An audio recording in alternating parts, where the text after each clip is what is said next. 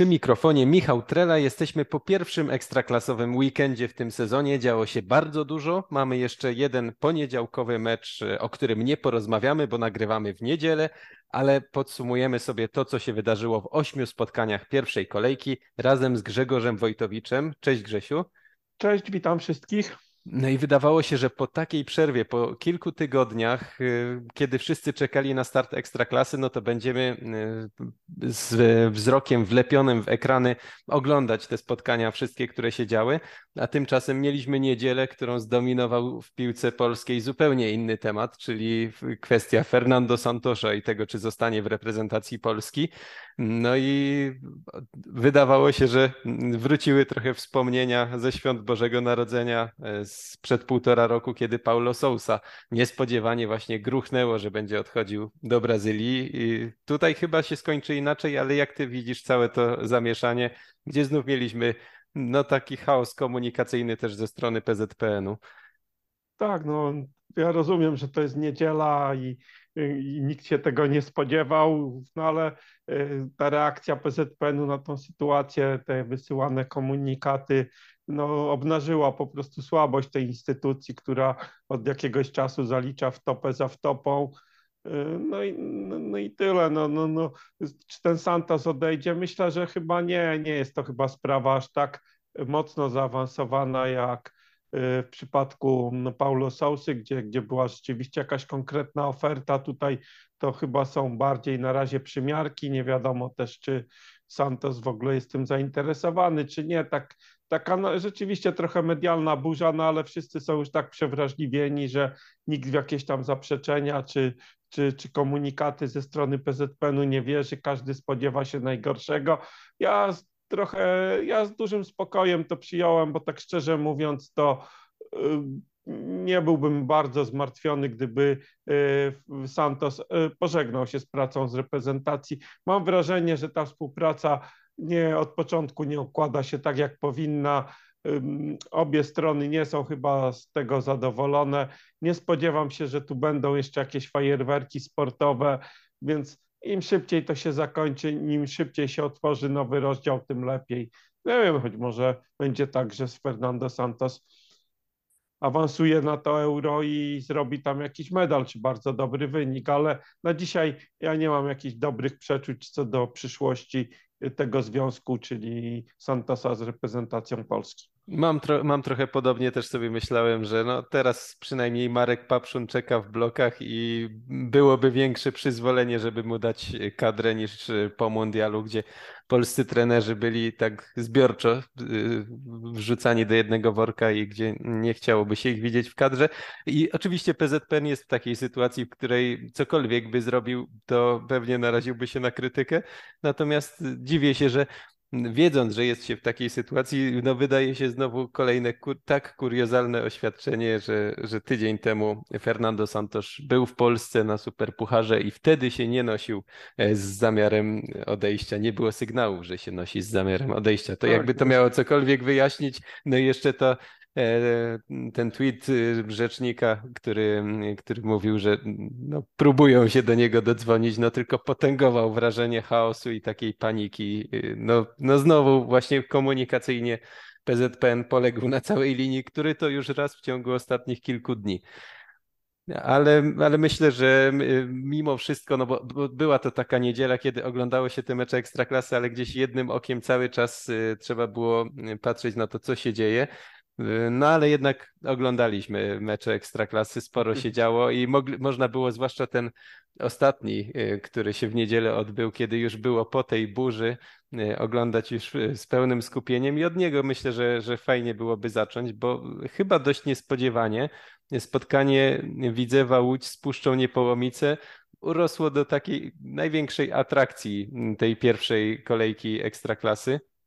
Pięć bramek, dużo emocji i w ogóle taki, taki mecz, który się świetnie oglądało, już pomijając to, że mecze na stadionie Widzewa zwykle wyglądają po prostu dobrze. Znaczy ja bym chciał generalnie pochwalić wszystkich piłkarzy i, i wszystkie e, mecze, jakie w tej kolejce się odbyły. Dla mnie to była e, super kolejka od pierwszego do dzisiejszego meczu i ja nie przypominam sobie tak udanej inauguracji sezonu no, od dawna.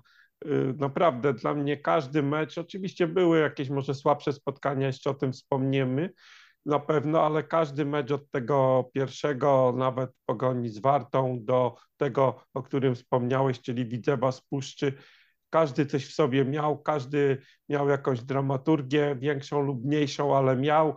W każdym padały cudowne gole, albo przynajmniej ładne.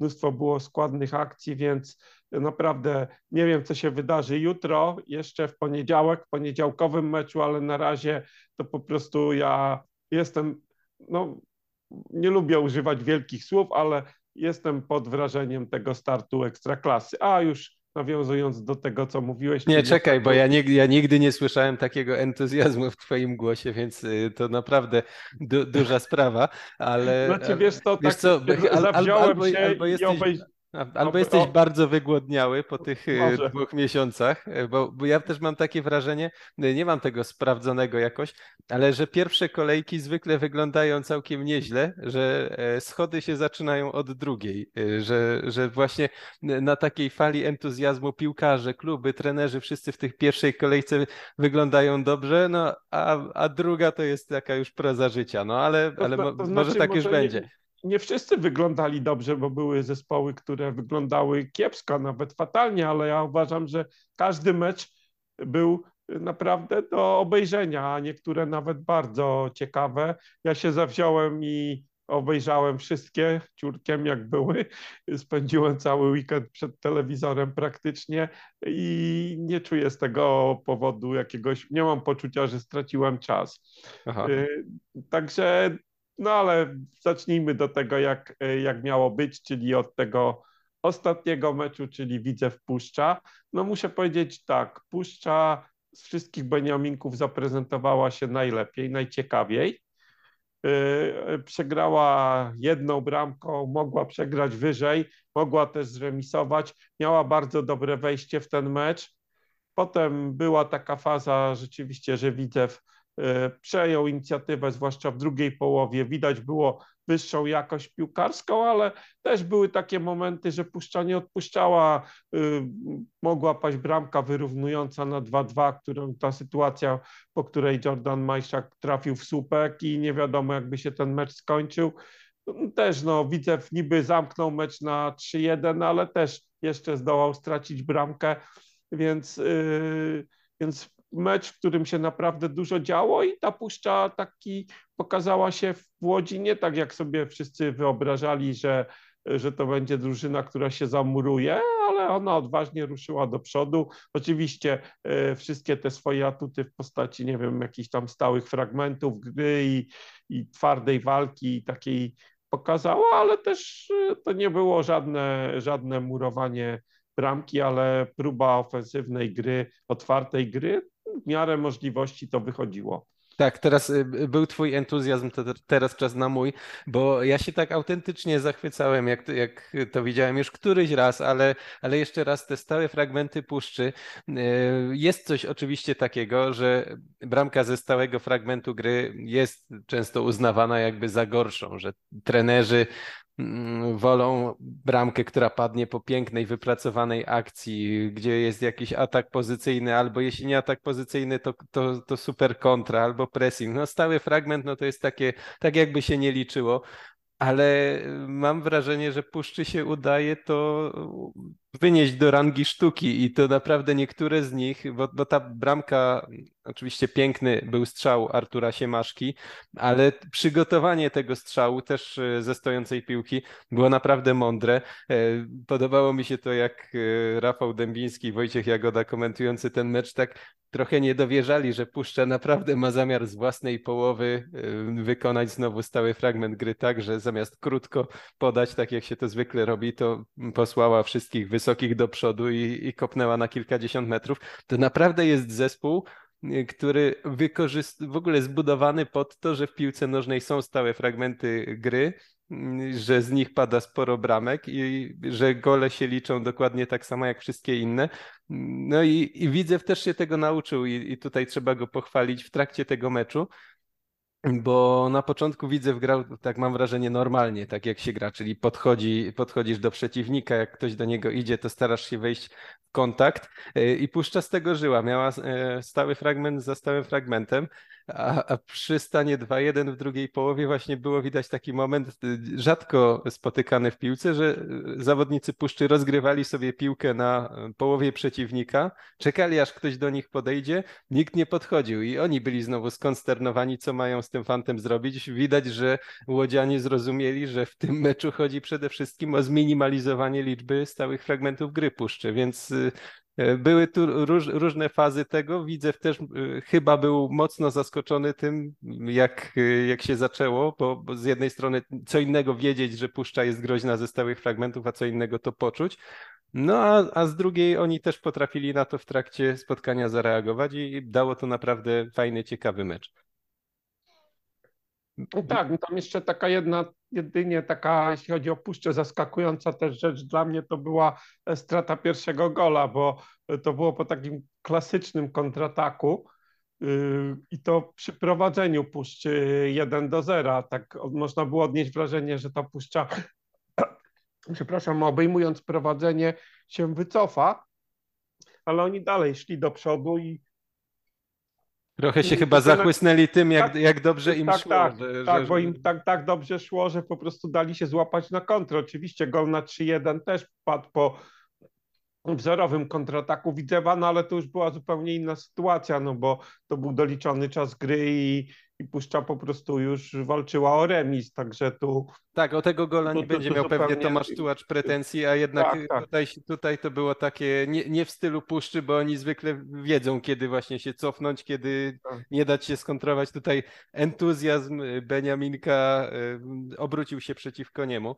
E, no ale, ale można powiedzieć, że to było ciekawe spotkanie. Ja e, też no, przyjąłem sobie, że e, z doświadczenia, że trzeba oglądać pierwszą kolejkę tylko i rozmawiać o meczach, nie wyciągać żadnych wniosków na temat tego, czy przedsezonowe przewidywania były błędne, czy trafione, czy dany zespół będzie mocny, czy silny, bo, bo pierwsza kolejka, już to mówiliśmy zaczynając podcast, bardzo kłamie, bardzo wprowadza w błędy i nie wiemy na razie nic o sile zespołów, więc e, nie, za wcześnie na mówienie, że czas rewidować poglądy na temat puszczy. Po prostu oni bardzo fajnie się pokazali. To pierwsze wrażenie, jakie jest, no to w ramach tych swoich możliwości, jakie mają, to oni zagrali jeden z takich najlepszych meczów, jakie mam wrażenie da się zagrać w tym zestawie personalnym w tej drużynie.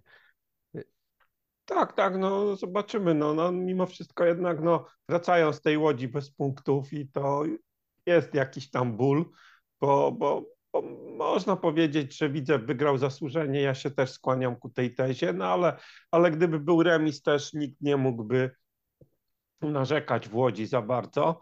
Znaczy, no może by narzekano, no ale z przebiegu gry, gdyby padł remis, to też e, nie, nie byłaby jakaś wielka krzywda dla Widzewa. E, tak więc no, może, może jeszcze tylko to tak, takie, że z tych Beniaminków na pewno Puszcza najlepiej się zaprezentowała, przy czym no nie wiem też, czy nie miała najłatwiejszego rywala, no bo jednak ŁKS pojechał na Łazienkowską, Ruch Chorzów do Lubina, też no, trochę chyba lepsza drużyna niż Widzew, tak się przynajmniej teoretycznie wydaje, więc, więc tu, tu może ten przeciwnik aż taki dobry nie był, natomiast mi się Widzew też podobał w tym meczu. Miał różne fazy, taki może nie za dobry początek, ale było sporo takiej, takich momentów, zwłaszcza w drugiej połowie, gdzie naprawdę widzę fajne akcje rozgrywał, fajne kontrataki, dużo było takich faj, ładnych akcji. Także był taki moment, że mogli tą puszczę naprawdę zacząć punktować, bo tam były naprawdę szanse na 3-1, na 4-1 nawet y, niewykorzystane. Raz Kevin Komar się popisał, no dla mnie interwencją kolejki chyba przy strzale Pawłowskiego, więc, y, więc, więc też widzę, trzeba pochwalić za ten mecz. No, zaczęli sezon dobrze, wygrali u siebie, wreszcie dali radość tym kibicom, y, którzy tam przychodzą, także no tutaj nastroje w Łodzi na pewno po tym meczu są dobre. Tak, bo warto podkreślić, że to jest pierwsza wygrana po sześciu porażkach e, z rzędu u siebie i, i, pierwsza wygrana w Łodzi od 17 lutego, czyli bardzo wyczekiwana. W ogóle mieliśmy w tej pierwszej kolejce od razu takie jasne odcięcie od e, serii trwających z poprzedniego sezonu. Nikt tu już nie będzie liczył Piastowi Gliwice meczów bez porażki, nikt nie będzie Górnikowi Zabrze liczył meczów bez porażki i tak samo nie będzie nikt wypominał Widzewowi bardzo długiej serii porażek na własnym stadionie. Wszystko to zostało przerwane, ale ja bym się jednak, bo, bo trzeba któryś pomost zbudować do innego meczu, przy, przytrzymałbym się tych Beniaminków, bo e, zgadzam się, że Puszcza zaprezentowała się najlepiej, ale też blisko zdobycia punktu był ruch Chorzów, chociaż to była taka bliskość bardziej jeśli się patrzy na sam wynik, bo jeśli się oglądało mecz w całości, mm, to trudno było jednak wyobrazić sobie scenariusz, w którym ruch zdobywa punkt. Oczywiście różne rzeczy dzieją się w piłce, ale to była jak dla mnie zdecydowana przewaga Zagłębia. Dwa gole strzelone, uznane, dwa gole jeszcze dodatkowo nieuznane przez sędziego. Myślę, że słusznie, natomiast no, to były takie stykowe sytuacje. Do tego ruch strzelił gola właściwie nie oddając celnego strzału przez cały mecz, bo samobójcze pechowe trafienie Aleksa Ławniczaka. Więc y, no, niebiescy tak wysz, wyszli na prowadzenie szczęśliwie, potem starali się jakoś przetrwać, ale no tutaj wydaje mi się, że ta różnica jakości piłkarskiej była chyba jeszcze bardziej widoczna niż między Widzewem a Puszczą. Tak, zdecydowanie. Ja przez cały mecz praktycznie miałem przeczucie, że gdy za, gdyby Zagłębie tego meczu nie wygrało, to byłoby to niesprawiedliwe. Ruch grał, w pierwszy, grał tak, jak grał w pierwszej lidze, e, czyli po prostu bardzo bojowo, odważnie, znaczy tak zdecydowanie, twardo.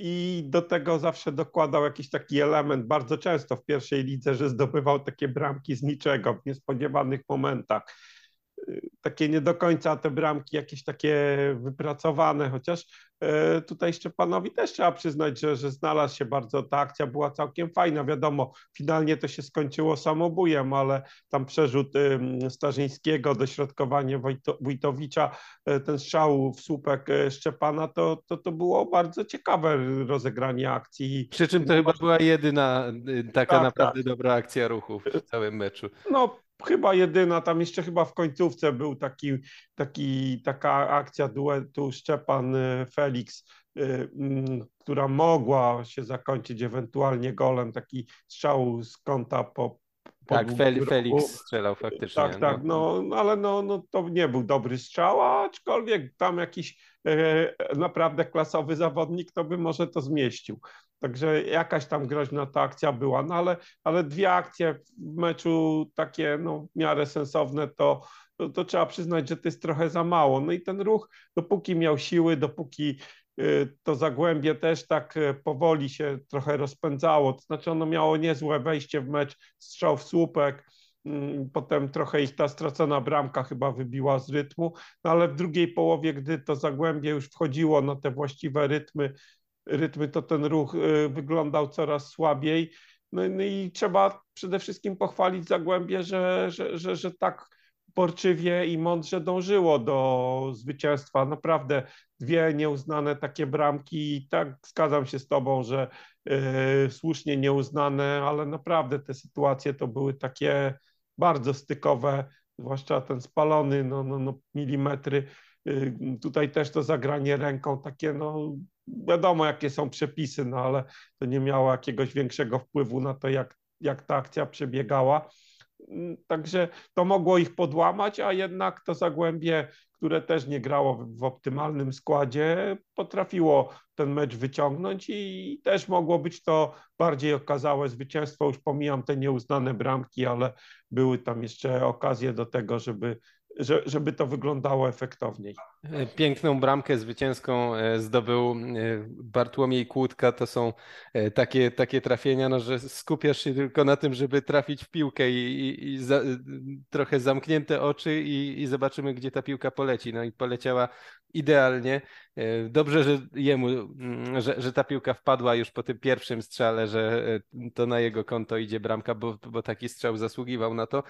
Natomiast chciałbym jeszcze podkreślić dla mnie takie dość nieoczywiste, a ostatecznie dobre zmiany, jakie przeprowadził Waldemar Fornalik, bo nie, po pierwszej połowie gdybym miał powiedzieć, kto się wyróżnia w Zagłębiu, kto e, robi jakieś ofensywne zamieszanie, to powiedziałbym, że Marek Mróz, on został w szatni, e, w przerwie wszedł za niego Tomasz Pieńko, no i, no i myślę, że się zaprezentował całkiem przyzwoicie jak to on. E, później schodził Damian Dąbrowski, który grał słaby jak na swoje warunki mecz, zdjęty. No i Tomasz Makowski, który wszedł w jego miejsce 5 minut później, strzelił wyrównującego gola. To też przecież teoretycznie zmiana 1 do 1 na tej samej pozycji.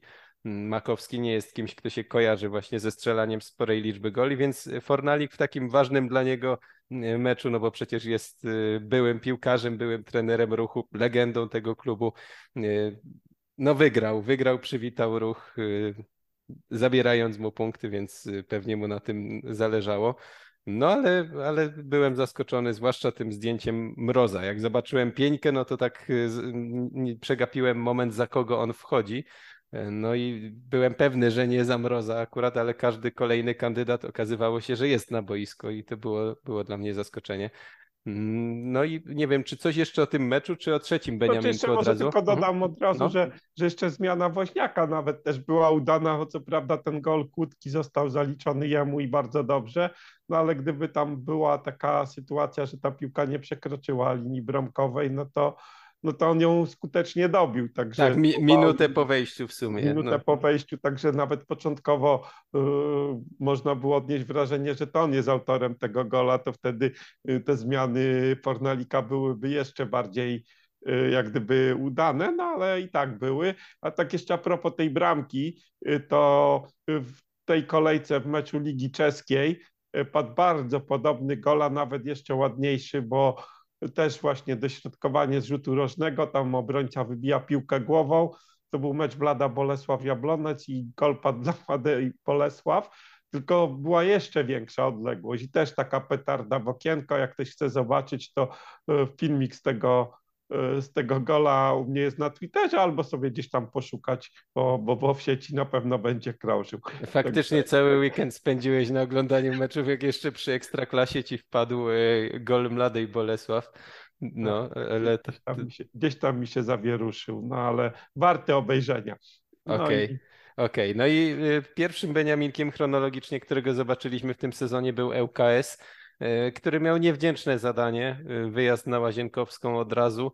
W ogóle mam też takie poczucie, że może dało się ten terminarz trochę szczęśliwiej ułożyć o tyle, żeby któryś z Beniaminków zagrał u siebie. Wiem, że Puszczy i Ruchowi pewnie zależy na tym, żeby na razie grać na wyjazdach, ale ŁKS był dla mnie takim kandydatem właśnie, żeby to on podjął Legię tak z punktu widzenia E, no, marketingowego ligi, właśnie, że w pierwszej kolejce e, zaczyna Beniaminek takim meczem. Myślę, że to byłoby szczęśliwsze, no ale e, pojechali na Łazienkowską. Przegrali 0 do 3, czyli teoretycznie po pierwsze bez sztycha, po drugie bez żadnej niespodzianki. Po trzecie zasłużenie, ale był, był taki moment, którego oni mogą się chwytać jakoś, y, żeby, żeby się nie załamać po tej pierwszej kolejce, y, tuż po przerwie, kiedy przegrywali 0 do 1 i gdy wyszli z szatni, no to te Legie y, złapali kilka razy, kilka to może jest przesada, no ze dwa razy, kiedy mogli pokonać Kacpra Tobiasza, no zwłaszcza jedna sytuacja, kiedy Y, nowy napastnik y, Kai Tejan jechał od połowy boiska właściwie y, sam na sam z Kacprem Tobiaszem i trafił w słupek. No to mogą rozpamiętywać, co by było gdyby. Gdyby trafił, pewnie Legia i tak by wygrała, tylko 3 do 1, no ale, ale może by się to potoczyło w zupełnie inną stronę. Jakie ŁKS na tobie wrażenie zrobił? Znaczy mam wrażenie, że nie potoczyłoby to się chyba jednak w inną stronę i Legia by to wygrała. Mam też takie wrażenie, że Legia w tej dyspozycji z, e, z piątku i z, po prostu to, że grała u siebie. Raczej nie wiem, czy jakaś w tej chwili drużyna w Polsce może te, te top 4, które się by powalczyły tam, ale myślę, że ciężko by było jakiejkolwiek polskiej drużynie tam ugrać choćby remis przy takiej dyspozycji Legii, przy takim nastawieniu, przy tej atmosferze. No UKS no, no po prostu no, zaprezentował się tak jak, jak chyba mógł. No, troszkę słabiej. Mimo wszystko spodziewałem się troszkę lepszej gry, troszkę więcej prób, a tu po prostu Legia grała dla UKS-u za szybko, także za szybko operowała piłką, także tam nawet ten jakiś pressing y, czy, czy, czy dostos- próby przerywania tych akcji to było, to było dla UKS-u za trudne. No i, no i tak, tak, tak długo się tam w miarę trzymali, y, trzymał ich bramkarz przy, przy życiu, bo, bo gdyby wy, mm, wykorzystany został rzut karny na 2-0, to, to pewnie by się to jeszcze szybciej posypało, także no, no UKS wiadomo, no, z Legią pewnie żaden Beniaminek punktów nie zrobi. Na razie UKS się no, zaprezentował. W zeszłym sezonie zrobiła mieć Legnica, więc... Tak, tak. ale, ale, ale, no, ale zobaczymy. No, myślę, że Legia, Legia w tym sezonie sobie na straty punktów u siebie z Beniaminkami nie pozwoli, chociaż rzeczywiście, tak jak mówiłeś, nie ma co jeszcze no, na podstawie samej pierwszej kolejki wyciągać aż tak daleko idących wniosków, natomiast no, no Legia zagrała mecz taki, jaki powinna i, i tyle. No. Miałem nawet poczucie, że trochę podpuszcza ŁKS, że y, rozgrywali czasem na własnej połowie tylko po to, żeby ŁKS poszedł do pressingu. ŁKS w sumie dość ochoczo do niego szedł, ale Legia tak 10 na 10 wychodziła, no może 9 na 10 wychodziła spod tego pressingu bez większych problemów i no i wykorzystywała to, że, że ŁKS chciał w takich momentach podejść trochę wyżej i to, to był imponujący mecz, nawet biorąc pod uwagę to, że Josue raz, że nie strzelił karnego, ale w ogóle jak na siebie to, to nie był takim Josue, jak, jak go znamy. E, to, to był wieczór Pekharta, który został pierwszym liderem klasyfikacji strzelców. E, trzy gole, e, hat-trick od razu, no i świetne, świetnie wyglądające wahadła, o ile co do Wszołka, to nie jest zaskoczenie, bo no, on już poprzedni sezon miał naprawdę bardzo dobry. No to my rozmawialiśmy o tym, jaką stratą jest odejście Mladenowicza, bardziej o Mladenowiczu rozmawialiśmy, no ale też y, o Kunie było trochę dyskusji. Byłem trochę nawet zaskoczony wiosną, że tak wiele osób się spodziewa, że będzie niewypałem w Legii Warszawa, bo o ile dla mnie no to jednak jest zmiana na minus trochę e, względem Mladenowicza, no to to nie jest na taki duży minus, że jednak Kun w ostatnich latach był wyróżniającym się wahadłowym w lidze i to był taki naprawdę udany debiut ligowy e, dla tego zawodnika. Tak, no zgadzam się, no to był, co by nie mówić, podstawowy zawodnik w Rakowie.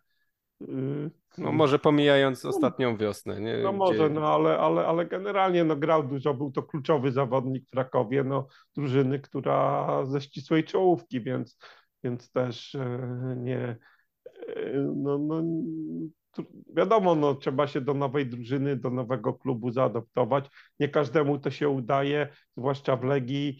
Czasami te przeskoki y, do Legii piłkarzom polskim nie wychodziły, no ale tutaj na razie to wygląda obiecująco i, i rzeczywiście całkiem fajny mecz zagrał. Y, można powiedzieć o tej pierwszej kolejce, o tych ośmiu meczach, że mieliśmy bardzo niewiele niespodzianek, że właściwie każdy z tych zespołów, który miał wygrać, ostatecznie wygrywał, czasem po większych, mniejszych problemach.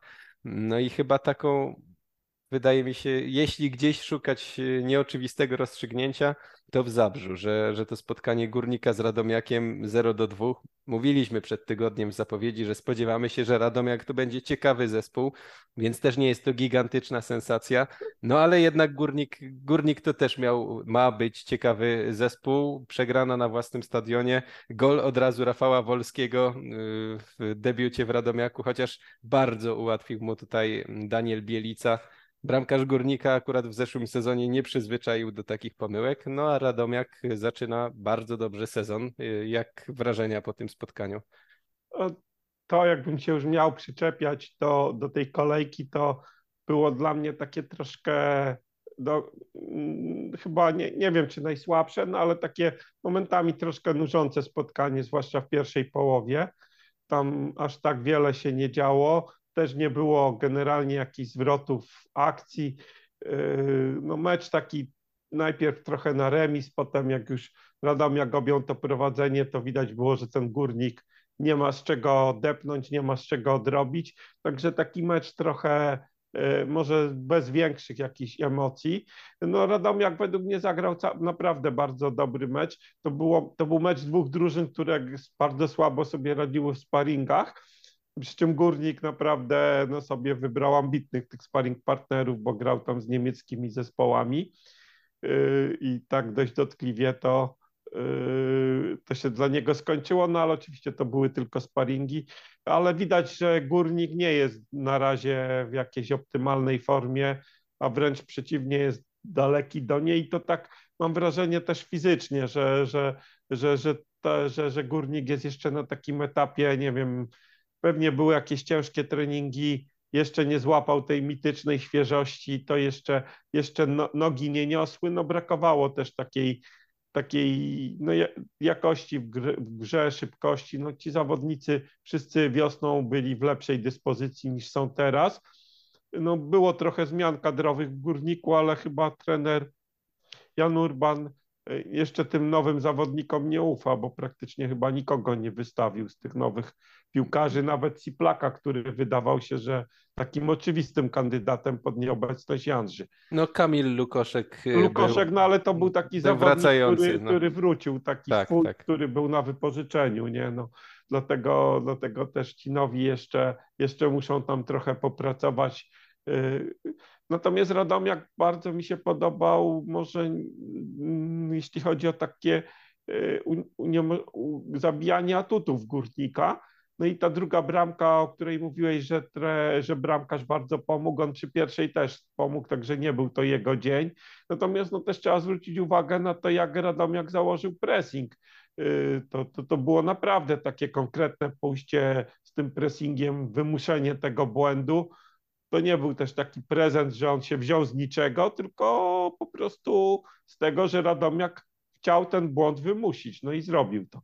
Na tak, tym futbol tak. polega, że, że, że trzeba zmuszać rywala do błędów. Tak, e, w ciągu pięciu minut te dwa strzelone gole Radomiaka i na pewno też e, może cieszyć e, kibiców tego zespołu, że od razu właśnie nowi zawodnicy przywitali się golami. Wolski to jedno, no on akurat nie był jakąś zagadką, no ale e, Leonardo Rocha wszedł tylko z ławki. On e, cały czas odczuwa skutki tej kontuzji, którą doznał pod koniec e, sezonu ze Śląskiem Wrocław.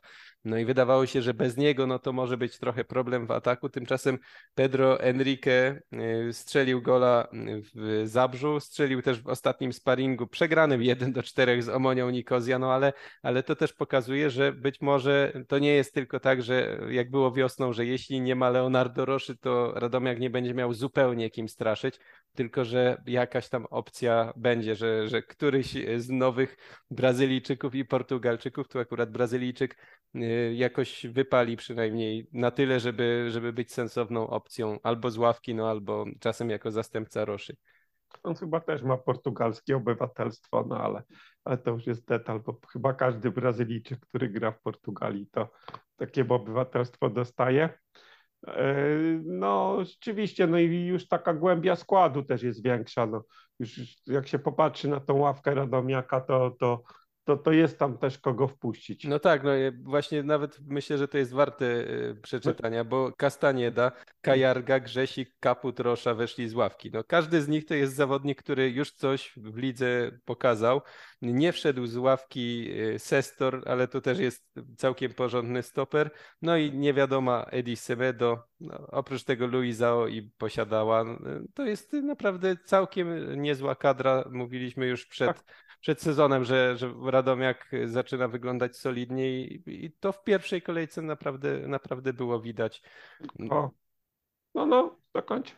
Sobie? Nie, nie, było, było widać i właśnie dla mnie nawet to, że Grzesik, którego chciało takie średnie pół ligi, no to, to tam wchodzi na razie z ławki, no bo, bo przegrał rywalizację czy z Jakubikiem, czy z Semedo, bo, bo można go też jako skrzydłowego traktować no, w niektórych klubach byłby witany od razu z pocałowaniem ręki miejscem w pierwszym składzie.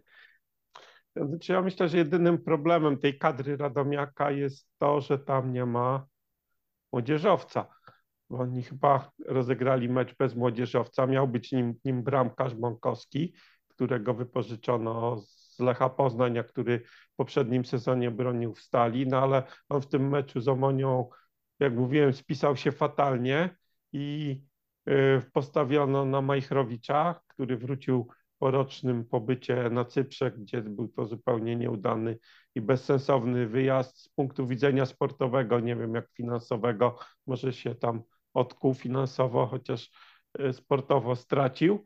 No i nie wiem, czy Radomiaka stać na to, co, na co było stać w zeszłym y, sezonie Rak, Raków Częstochowa, który po prostu zignorował przepis o młodzieżowcu i zapłacił za to karę.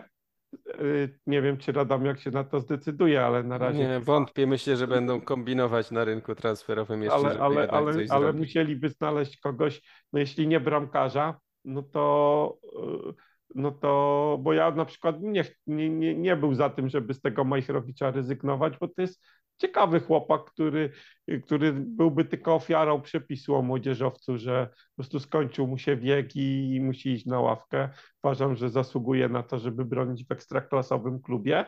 No, no, no i na jakąś pozycję by trzeba znaleźć tego młodzieżowca. Ale, ale skreślasz już tak definitywnie Bąkowskiego, bo tak no pomijając wiem, no, ten myślę, jego fatalny myślę występ, prostu, no to, to był zawodnik, który, o którym się po znaczy- pierwsze dobrze mówiło, reprezentant młodzieżowy w Stali Rzeszów jednak rozegrał e, sezon poprzedni. Oni dużo goli tracili, no ale wydaje mi się, że jeszcze może się okazać, że on trochę minut nabije mimo wszystko. Tak, no ale, ale z drugiej strony ja też jestem zwolennikiem tego, że jeśli Majchrowicz jest lepszym bramkarzem, to niech broni, zwłaszcza, że też jest jeszcze młody bardzo i, i on ma być ofiarą tego, że skoro wygrywa sportową rywalizację, to, to dlaczego on ma siedzieć na ławce? Nie, no, no, to jest po zgoda, prostu dla mnie absurd, ale to już chyba jest absurd tego przepisu, bo ja coraz bardziej jestem przeciwnikiem tego, y, tego przepisu i tego sztucznego holowania młodych piłkarzy bo przede wszystkim młodych bramkarzy, bo jak, się, jak się spojrzy na ligę, to, tak. to oni są największymi beneficjentami. Tak, no, ale, ale, tak, ale oni są z jednej strony beneficjentami, a z drugiej strony też bywają ofiarami tego. Tak, bo, jeśli, bo, jeśli bo potem, bo potem nie ma później, dla nich później, miejsca. Tak. No. A naprawdę bramkarz 22-letni to, to to jest jeszcze młody bramkarz, wręcz, wręcz um, po prostu bramkarze teraz osiągają taką jakąś dojrzałość w wieku 30 lat, koło 30, więc, więc naprawdę to jest takie dla mnie trochę, trochę nie, nie w porządku. Nie wiem, może, może ten przepis z tymi bramkarzami by jakoś zmodyfikować, żeby, że jeśli się stawia na bramkarza, to, to, to zrobić. Trzeba 4000 minut. No albo 23 czy 3 lata dla bramkarza, podwyższyć ten bieg młodzieżowca. No nie wiem, no ja bym generalnie ten przepis po prostu wziął i zlikwidował. Okej. Okay. Przynajmniej w ekstraklasie, może mm -hmm. w innych mhm. ligach nie. Na razie, na razie jest z nami i, i tak pewnie, pewnie jeszcze będzie. No, pytanie, były już takie przymiarki, żeby po poprzednim sezonie już go nie było, no ale, ale gramy dalej. E, druga taka niespodzianka, e, chociaż mniejsza, bo, bo zakończył się mecz remisem, to chyba jednak postawa Stali Mielec i to, że zremisowała z Krakowią 2 do 2. Zastanawiam się, na ile to jest niespodzianka, no bo po Krakowi większość osób nie spodziewała się bardzo wiele, ale po Stali jednak spodziewano się jeszcze mniej i skala zmian, jaka zaszła w Mielcu przy tym, jak y, do jakiego stopnia nic się nie działo w Krakowie, no to jednak kazała sądzić, że łatwiej będzie na pierwszą kolejkę przygotować zespół Jackowi Zielińskiemu. No i to, że było 0 do 2 do przerwy, no to było duże zaskoczenie, ale też nawet komentując ten mecz, miałem takie poczucie w przerwie, że trzeba uważać z zachwycaniem się stalą, z mówieniem, jak to wszystko e, rozegrali świetnie, no bo to jednak tylko 45 minut i, i mimo wszystko dość szczęśliwe prowadzenie, bo z dwóch sytuacji, w których e, złapali Krakowie na takie e, długie podania za linię obrony, strzelili dwa gole, No ale Krakowia też w tej pierwszej połowie w sumie wyglądała lepiej, miała problem ze stwarzaniem sytuacji. No i w drugiej połowie rzeczywiście pasy strzeliły szybko dwa gole. Były jeszcze dwie sytuacje w pierwszym kwadransie.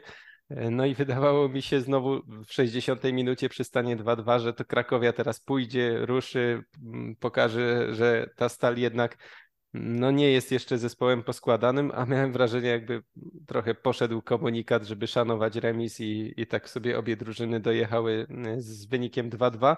W związku z tym mam poczucie, że było naprawdę ciekawy, fajny mecz przez 60 minut, no a potem takie, takie letnie klepanie przez 30.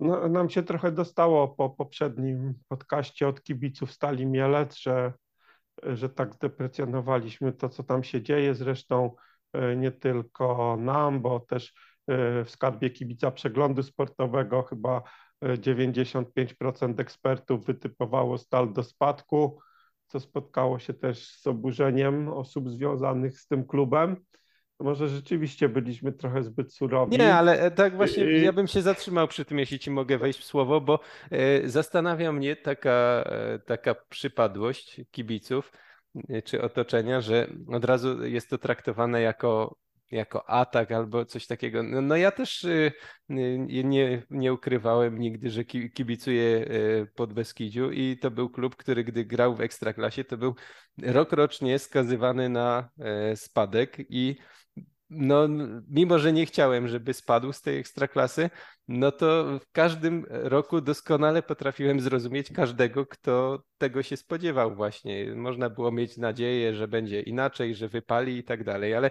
zastanawiam się, czy ktoś, kibic Stali Mielec, który widzi że z jego zespołu odchodzi, odchodzi 18 piłkarzy, przychodzi 16 nowych z zupełnie różnych kierunków, że trener sam mówi, że no, okres przygotowawczy pracowało 14 osób, a reszta tak dochodziła w trakcie. No, czy on jest taki na pewno przekonany, że, że, będzie dobrze, wszyscy się nie znają, którzy mówią, że stal spadnie? No, oczywiście trzy razy się udało, no ale że tak użyję przykładu z grubej rury, no Odra Wodzisław też kiedyś spadła, a jest matką wszystkich drużyn, które miały nigdy nie spaść. Tak, no nawet, nawet czytałem jakiś tam wpis, że masz kompleks Stali Mielec po tym, jak pod Beskidzie spadło kosztem mhm. stali. No tak, no. Znaczy, jako, no oczywiście, jako kibic Podbeskidzia mogę mieć kompleks praktycznie każdego klubu dowolnego, jaki sobie wymyślisz, no bo prawie każdy ma większy dorobek, dłużej spędził w Ekstraklasie, nie miał króla strzelców mundialu, więc oczywiście, że tak, ale mimo wszystko nie każdy z klubów, wobec którego mam kompleks, typuje do spadku. Yy, tak, no dobra, zostawmy no. już to, wróćmy do meczu, powiem no. tak mecz w pierwszej połowie mnie troszkę zaskoczył jego przebieg. Y, to znaczy tak, przed meczem na konferencji prasowej tak trener Zieliński mówił, zapytany o to, jak Krakowia będzie grała, tak trochę się żachnął i zaczął opowiadać o tym, że na pewno nie po, będzie podążał za trendami obecnie w futbolu, że trzeba rozgrywać akcje od tyłu, grać podaniami, dominować, że dla niego fundamentem będzie defensywa, szybkie kontrataki, czyli to, co e, w tamtym roku doskonale Krakowi wychodziło, zwłaszcza w rundzie jesiennej. Nawet użył takiego porównania, że e, w Polsce góry mają 2,5 tysiąca metrów i on nie będzie się porywał na Himalaje. No a trochę ta Krakowia zagrała w pierwszej połowie w Mielcu właśnie inaczej. Oni ruszyli na rywala, starali się go zdominować, uzyskali przewagę taką liczebną, pozycyjną. Gra toczyła się głównie na połowie stali. Tymczasem stal grała mniej więcej tak jak Krakowia e, w tych meczach w zeszłym roku jesienią, gdy wygrywała u siebie z Legią, z Rakowem, czyli po prostu szybkie, długie podania, wolne strefy, wykorzystywanie szybkości, no i skuteczna finalizacja.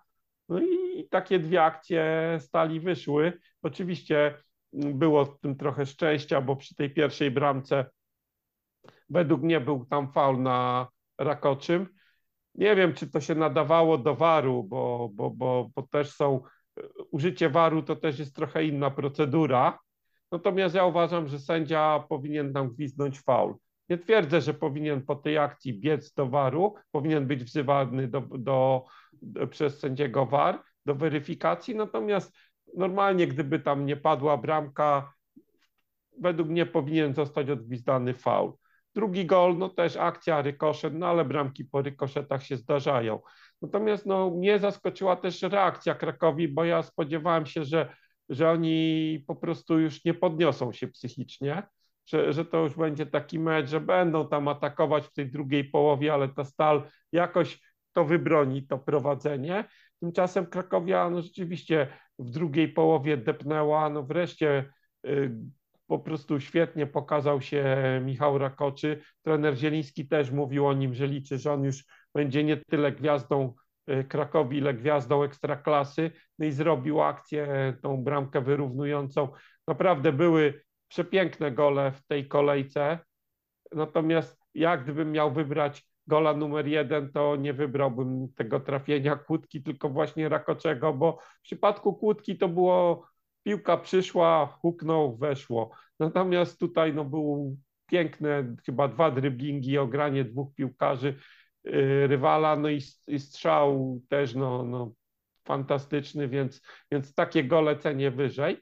I ta, ta, ta Krakowia, która po prostu narzuciła swoje tempo, wzięła tą stal do młyna, gdy wyrównała, w pewnym momencie zdjęła nogę z gazu. Może było takie przeświadczenia, jeszcze mamy pół godziny do końca, to teraz odrobiliśmy straty, można sobie coś odpuścić na chwilę, a potem jeszcze depniemy, no ale już na ten poziom intensywności gry nie udało się wejść. Myślę, że też tutaj zabrakło Mm, paliwa z ławki. No, no i właśnie, i to, które, tutaj to jest e, niesamowite, że w pierwszej kolejce już, gdzie no nie masz plagi kontuzji, jasne, nie ma jeszcze Myszora i Rasmusena, no ale tak będzie przez cały sezon. Znaczy nie mówię, że ich nie będzie, ale zawsze będzie jakichś dwóch, trzech zawodników, których będzie brakować. No i tak się patrzy na, na tę ławkę, kogo tam można wpuścić i no i z zawodników y, jakichś takich no ekstraklasowych powiedzmy, no to jest Rupa i Atanasow tyle pozostali, no to, no to może ktoś wypali typu Śmiglewski, y, młodzieżowiec, może e, Zaucha wreszcie wypali, ale, ale to nie są piłkarze, których się wpuszcza i wiesz, że, że coś dadzą albo że coś mogą dać. Więc no, cały czas się mówiło o tym, że Krakowia ma wąską kadrę, ale to już w pierwszej kolejce wyszło i, i też mam poczucie, że mogło kosztować dwa punkty Krakowie, że dokładając w tej końcówce kogoś lepszego z ławki, mogąc wpuścić choćby właśnie takiego myszora zdrowego, no to, to Krakowia miałaby znacznie większe szanse na wygraną. Tak, a tak szczerze mówiąc, w tej końcówce to no, bliżej zwycięstwa według mnie była Stal Mielec, która tak tak, no tak, bo ciekawą tak, zmianę dał ten e, Kai Meriłoto. E, myślę, że, że no, były, może nie jest tak, że e, Wiem, że Krakowia no. miała poprzeczkę, no ale to było trochę wcześniej, a, ale tak już w tej samej końcówce, tak na finiszu, to, to, to tak chyba Stal troszkę bliżej była tego, yy, tego zwycięstwa. Tak, tak. Ja jeszcze o Michale Rakoczy muszę powiedzieć, że Y, od zawsze się mówiło, że on ma talent i było widać jakieś ciekawe zagrania już kilka sezonów temu. Ostatni sezon naprawdę dobry, ale co mi się chyba w nim najbardziej podoba, bo jest takie nieoczywiste u, u dobrych techników, którzy od dziecka słyszeli, że są utalentowani z niego kipi, mam wrażenie, często taka sportowa ambicja, że, że on pewne, mm, pewne rzeczy po prostu no, no, no sprawiają, że jest w nim, w nim taki ogień. Tak po stracie gola na 0-2, on chyba w następnej akcji tak krzyżakiem ograł e, Marco Eymana, e, dośrodkował fajnie piłkę chyba do, do Kalmana i to było też takie no coś podwórkowego w sobie miało, że no ja, ja ci pokażę to teraz jakby wejdę jeszcze poziom wyżej, żebyś, żebyś zobaczył, że to jednak ja jestem lepszy od ciebie i no myślę, że jeśli będzie potrafił porwać też zespół przy tym, no to, to może być zawodnik, który rzeczywiście w tym sezonie wskoczy na jeszcze wyższy poziom, bo z dobrego piłkarza się przekształci w jednego z liderów. Myślę, że w nim widać potencjał właśnie już w tym wieku, w wieku młodzieżowca wciąż, żeby był jednym z liderów drużyny. Tak, ja myślę, że tak nawet się zastanawiałem, do kogo mógłbym go porównać w ekstraklasie i tak naj, bardziej, najbliżej mi według mnie jest do Josue, że, że to jest też taka zadziora. Mhm. Taki, taki, techniczny piłkarz, ale też taka zadziora, która on potrafi też i kopnąć, sfaulować. I no mi się on ko tak, kojarzy takie... z Podolskim znowu, ale to jest to samo Aha. skojarzenie, e, bo, bo to jest po prostu podwórkowe elementy w grze, że tak. jest oprócz tego, że gramy i przesuwamy się i pilnujemy taktyki, to jest jeszcze taki pojedynek, y, gdzie po prostu cza czasem ambicjonalnie potraktują jeden na jeden i, i to jest fajne. I, I, właśnie widzę to czasem w Podolskim, Josue też, no i, i w Rakoczym też. No, y, natomiast... Tak. Tak, tak, no oczywiście, bo to wciąż musimy mówić zachowując wszelkie proporcje. Co dostali, myślę, że warto powiedzieć, że no taki powiew optymizmu na pewno może być taki, że y, przy tych transferach największą wątpliwością było, czy ktoś będzie tam do strzelania bramek, czy tam będzie jakiś dobry napastnik. I Iliasz Kurin debiut w Stali zaliczył naprawdę bardzo dobry, bo i gol, i asysta, i w ogóle to jak się pokazywał, no mają dziewiątkę, y, na której można jakoś budować zespół. I sama drużyna jakaś tam struktura, Domański, Wołkowicz, Wlazło, Trąbka, to jest do poukładania, ale no kluczem było, żeby, żeby tam był ktoś z przodu lepszy niż wiosną. Y, no i ten mecz bardzo obiecujący ze strony Szkurina. Y, zrobił znacznie więcej niż y, w ciągu epizodów, jakie dostał w Rakowie, gdzie był dwa sezony temu. Tak, no, no Stal, Stal generalnie dobrze sobie radziła, jak miała kogoś z przodu, jak był Piasecki, Potem ten. Y, y, y, Zawada. Tak, ale ten, który Hamulić, tak? Hamulić, no to tak, okay. Tak, że, że jak, jak im się, się trafiał po prostu napastnik, to, to jakoś sobie radzili. Były problemy, gdy, gdy, gdy tego brakowało. Tak jest. Natomiast Także gdy... To, mhm.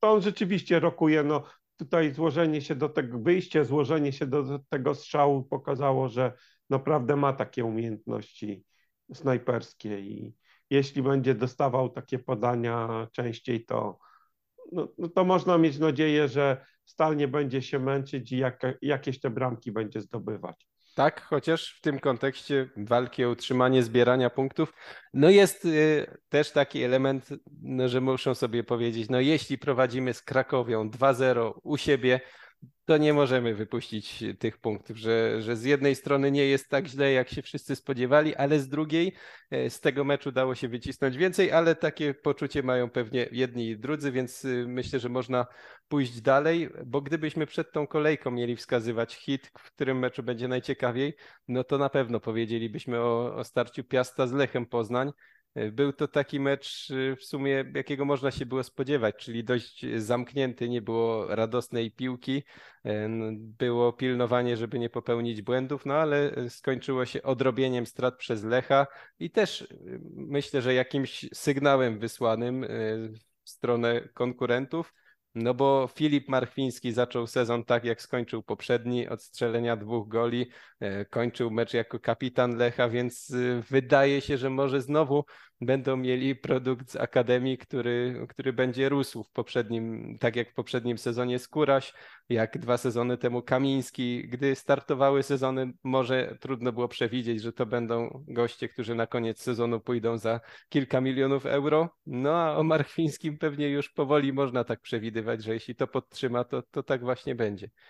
No Marchwiński już wiosną dał sygnał, że coś mu się tam w głowie przestawiło i po tych latach bycia talentem, który zawodził, bo pamiętam jeszcze jesienią były powszechne głosy, że trzeba go gdzieś wypożyczyć, że się mu krzywdę robi, y, trzymając go w lechu, że on sobie tutaj nie radzi i nagle coś się stało takiego, że on zaczął dobrze grać, no a tutaj to już nie tyle, że dobrze grał, ale to po prostu był liderem i ostoją tego Lecha.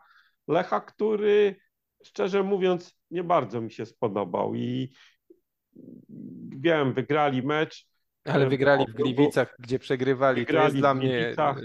Y, ja wiem, wszystko, wszystko, wszystko jest fajnie, natomiast Lech według mnie pierwszą połowę zagrał bardzo przeciętnie. Piast był lepszy.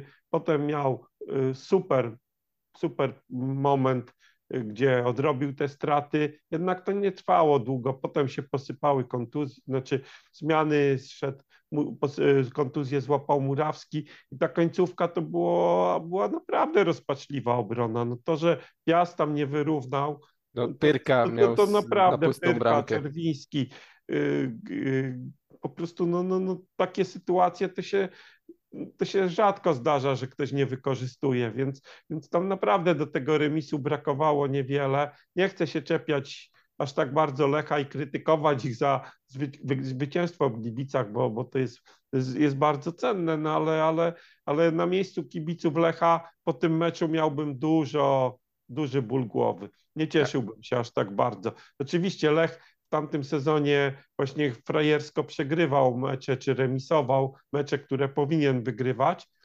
Tutaj wywalczył trzy punkty i za to im chwała. Natomiast mówię, szczęścia tam było za dużo według mnie. Ale ja też e, właśnie, ja jednak patrzę, patrzę tutaj na wynik przede wszystkim, bo e, Lech będzie walczył, czy na razie tak się wydaje, z trzema zespołami o Mistrzostwo Polski. I jeśli popatrzymy że przyjedzie do Gliwic jeszcze Legia, Raków, Pogoń. Jestem przekonany, że nad którymś z tych zespołów uda się zbudować minimalną punktową przewagę tym, że właśnie Lech tam nie stracił punktów. Inaczej mówiąc, że albo Legia, Raków, Pogoń, ktoś straci w Gliwicach punkty, nie wygrają tam wszyscy, że to o każdym e, terenie w lidze się mówi, że jest trudny, ale to naprawdę będzie trudny teren i wygranie tam w jakiś sposób, no to już Lech w tym mistrzowskim sezonie się przekonał, że wygranie w Gliwicach może mieć duże znaczenie, nawet jeśli się to robi szczęśliwie. Dwa, Lech jest teraz w fazie, tak jak wszyscy inni pucharowicze, no że chodzi o to, żeby nie pogubić punktów teraz na jakimś etapie, że jak Lech potem będzie mógł, miał trochę więcej czasu, jeśli zawodnicy się zgrają, jeśli Alan Czerwiński nie będzie musiał grać na stoperze, to będzie można oczekiwać od zespołu trochę lepszej gry, stylu. Mikael Isak dojdzie pewnie do lepszej formy niż teraz i tak dalej. Więc w tej fazie sezonu, w tej, w tej sytuacji, wygranie w Gliwicach, nawet jeśli w niezachwycającym stylu, no to jest powód do radości. Ja bym się cieszył jako kibic Lecha bez większych obaw. Znaczy, Y, oczywiście ze zwycięstwa trzeba się cieszyć, natomiast ja martwiłbym się trochę o aktualną formę Lecha, bo, bo tam, tam widzę, że jest dużo problemów.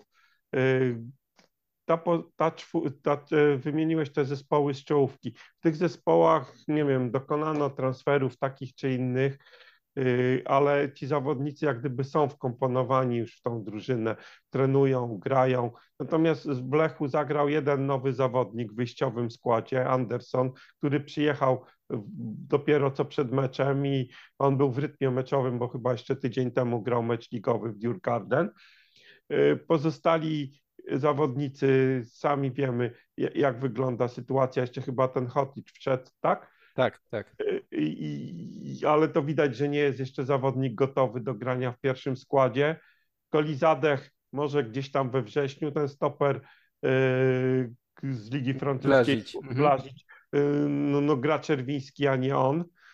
Wypadł jeszcze teraz Murawski. W ogóle trzeba było tak rotować składem, że e, na środek obrony pomocy poszedł właśnie ten Anderson z lewej, z lewej obrony, a wszedł Douglas, czyli nie było tam nawet zmiany do 1 do 1. Są jakieś jeszcze kontuzje, Kweskiri chyba nie jest dysponowany do gry, także to, to jakoś tak e, i w tym wszystkim oni wygrywają w Gliwicach. I, i oni wygrywają w Gliwicach, ale, ale ja już abstrahuję od tego meczu.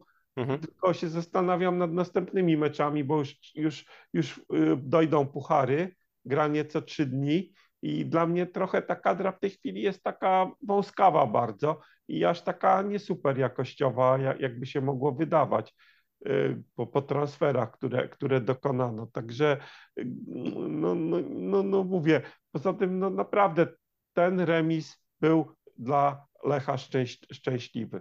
Dopisało szczęście, naprawdę pada bramka w ostatniej minucie, a jedna z tych kilku sytuacji Piasta jest wykorzystywana i mamy też inny odbiór tego meczu. Oczywiście takie zwycięstwa trzeba cenić, ale, ale ja, ja tutaj mam lekkie obawy co do Lecha. Okej, okay, wrócimy. Które oczywiście mogą zostać rozwiane i, i, nie wiem, za, za dwie, trzy kolejki, gdzie ci wszyscy zawodnicy dojdą do siebie, złapią lepszą formę, y, to będzie wszystko hulać tak jak trzeba. Na razie są momenty, był tu naprawdę bardzo dobry okres gry po przerwie, Lecha, fajny, ale, ale dla mnie to było troszkę za mało. Okej, okay. a z pozostałych Pucharowiczów, y, bo zostały nam dwa mecze, o których nie rozmawialiśmy. No Raków wygrał bardzo pewnie 3-0 z Jagiellonią. Raków w ogóle na rynku transferowym od naszego ostatniego spotkania no, zrobił dla mnie szoku, szokujący ruch, czyli pozyskał Sonego Kitela, gwiazdę HSV, tak można powiedzieć. No, transfer jaki się bardzo, bardzo rzadko, o ile w ogóle zdarzały polskiej lidze, a na pewno nie Rakowowi, ale bez Sonego Kitela Raków e, rozbił 3-0 Jagiellonie. E, no i tutaj bardziej John Jeboa, Łukasz Zwoliński e, odegrali główne role, jeśli chodzi o nowe nabytki. No i co do Rakowa, można powiedzieć, że tak złapałem się na tym dzisiaj, że okej, okay, nowy zespół, nie wszystko super wygląda, ale oni zagrali cztery mecze w tym sezonie i bez straty gola e, na razie, więc to jest taki typowy Raków na razie pod tym względem, że z tyłu jest bardzo solidnie i bardzo trudno się do tego zespołu dobrać.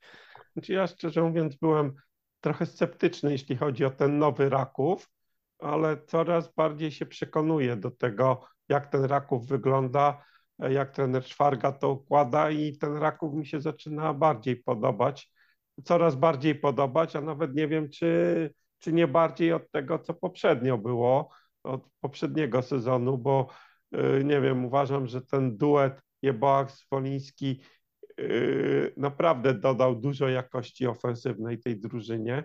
Ten, y, ten Zwoliński, ta dziewiątka, której Rakowowi według mnie brakowało, jak gdyby zaczyna spełniać te zadania. To jest inny jednak trochę typ napastnika niż był Gutkowski i uważam, że ta zamiana wyszło na dobre.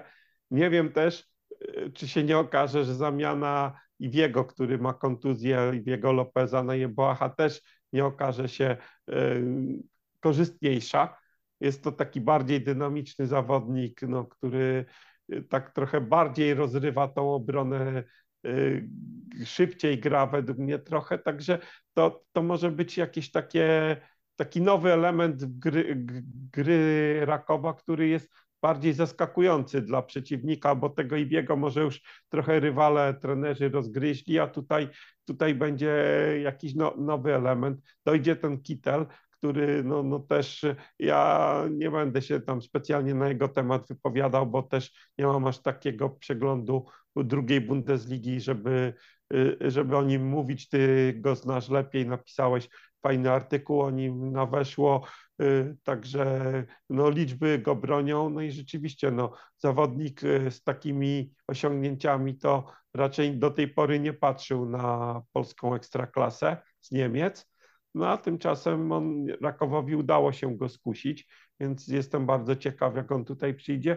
No i tak e, ten Raków, y, szczerze mówiąc, robi fajne transfery, ale też tak można powiedzieć, że je jakoś bilansuje, no bo e, owszem, zapłacili półtora miliona za e, Johna Jeboa, ale zarobili też kilkaset tysięcy euro na transferze Gutkowskisa. Teraz z kolei sprzedali Domingueza, którego dopiero co kupili, także, e, także oni tak aż bardzo tymi pieniędzmi może nie szastają, tylko bardzo mądrze inwestują i obracają. Tak, a Domingueza oni wzięli za darmo z miedzi, tak, więc w sumie więc, w parę tygodni... To, to jest taki jakiś tam, można nawet rzec, majstersztyk finansowy, że, że sobie ten budżet transferowy budują w taki sposób, że pozyskują naprawdę wartościowych zawodników, a wcale aż tak mocno e, tych pieniędzy nie wydają.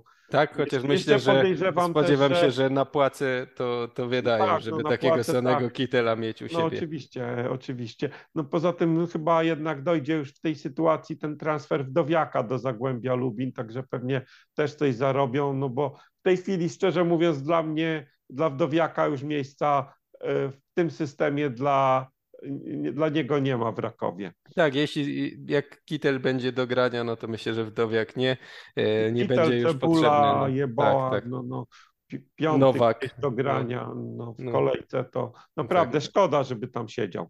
Tak, tak. No pewnie, pewnie nie będzie y, długo tam siedział i została Pogoń Szczecin, która zaczęła ten sezon od zwycięstwa skromnego z Wartą i chyba najważniejsza informacja, oprócz tego, że wygrali z Wartą, jest taka, że gola strzelił nowy napastnik, czyli Kuluris, y, no bo to jest zawsze taki newralgiczny punkt Pogoni Szczecin, podobnie jak Rakowa, y, że nie mieli napastnika, który strzela gole. Teraz nie wiadomo na ile to będzie regularne, no ale debiut jest wymarzony. Greka y, strzelił zwycięskiego gola i tutaj chyba trudno się jakoś przyczepić bardziej. Dla mnie i tak największe pytanie jest, czy Pogoń będzie potrafiła częściej, tak jak w tym meczu, zagrać bez straty gola, bo, bo oni fajnie wyglądali w grze do przodu, w rozgrywaniu i to, to, wszystko o Pogoni już wiemy, że Wędrychowski potrafi zrobić akcję, że Kutris jest świetny, Grosicki i tak dalej, ale czy ta obrona będzie w stanie grać szczelniej niż grała dotąd? W Poznaniu, czy, czy w Grodzisku Wielkopolskim zagrali tak, że raczej chyba nie było za wiele, za wiele roboty u Dantego Stipicy, no ale, ale to jest moja główna wątpliwość y, przed sezonem.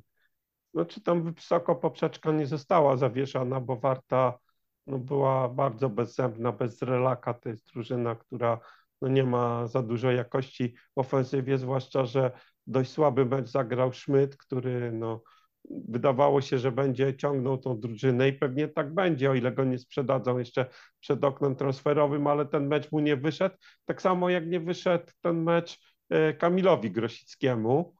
To, to nie był ten grosik z wiosny, który szarpał i po prostu mm, ciągnął tą grę pogoni. Tutaj miał jedną fajną akcję, ale, ale generalnie to tak, tak niespecjalnie mu szło, więc tak potencjalnie ten mecz wyglądał tak, że dwaj zawodnicy, co do których ja miałem osobiście takie największe oczekiwania i, i patrzyłem na nich, y, chciałem patrzeć na nich po prostu z największym, największą uwagą, jakoś się specjalnie nie popisali. Warta no, potwierdziła to, że, że, że w tym składzie, w którym tam, którym gra, będzie miała naprawdę spore problemy. Tam jakieś okazje były stwarzane, ale to po wyrzutach z autu i tam była nawet jedna taka sytuacja zaraz po stracie gola, że, że, że, że mogli wyrównać i byli bardzo bliscy tego, no ale, ale generalnie nie wyglądało to ze strony Warty dobrze.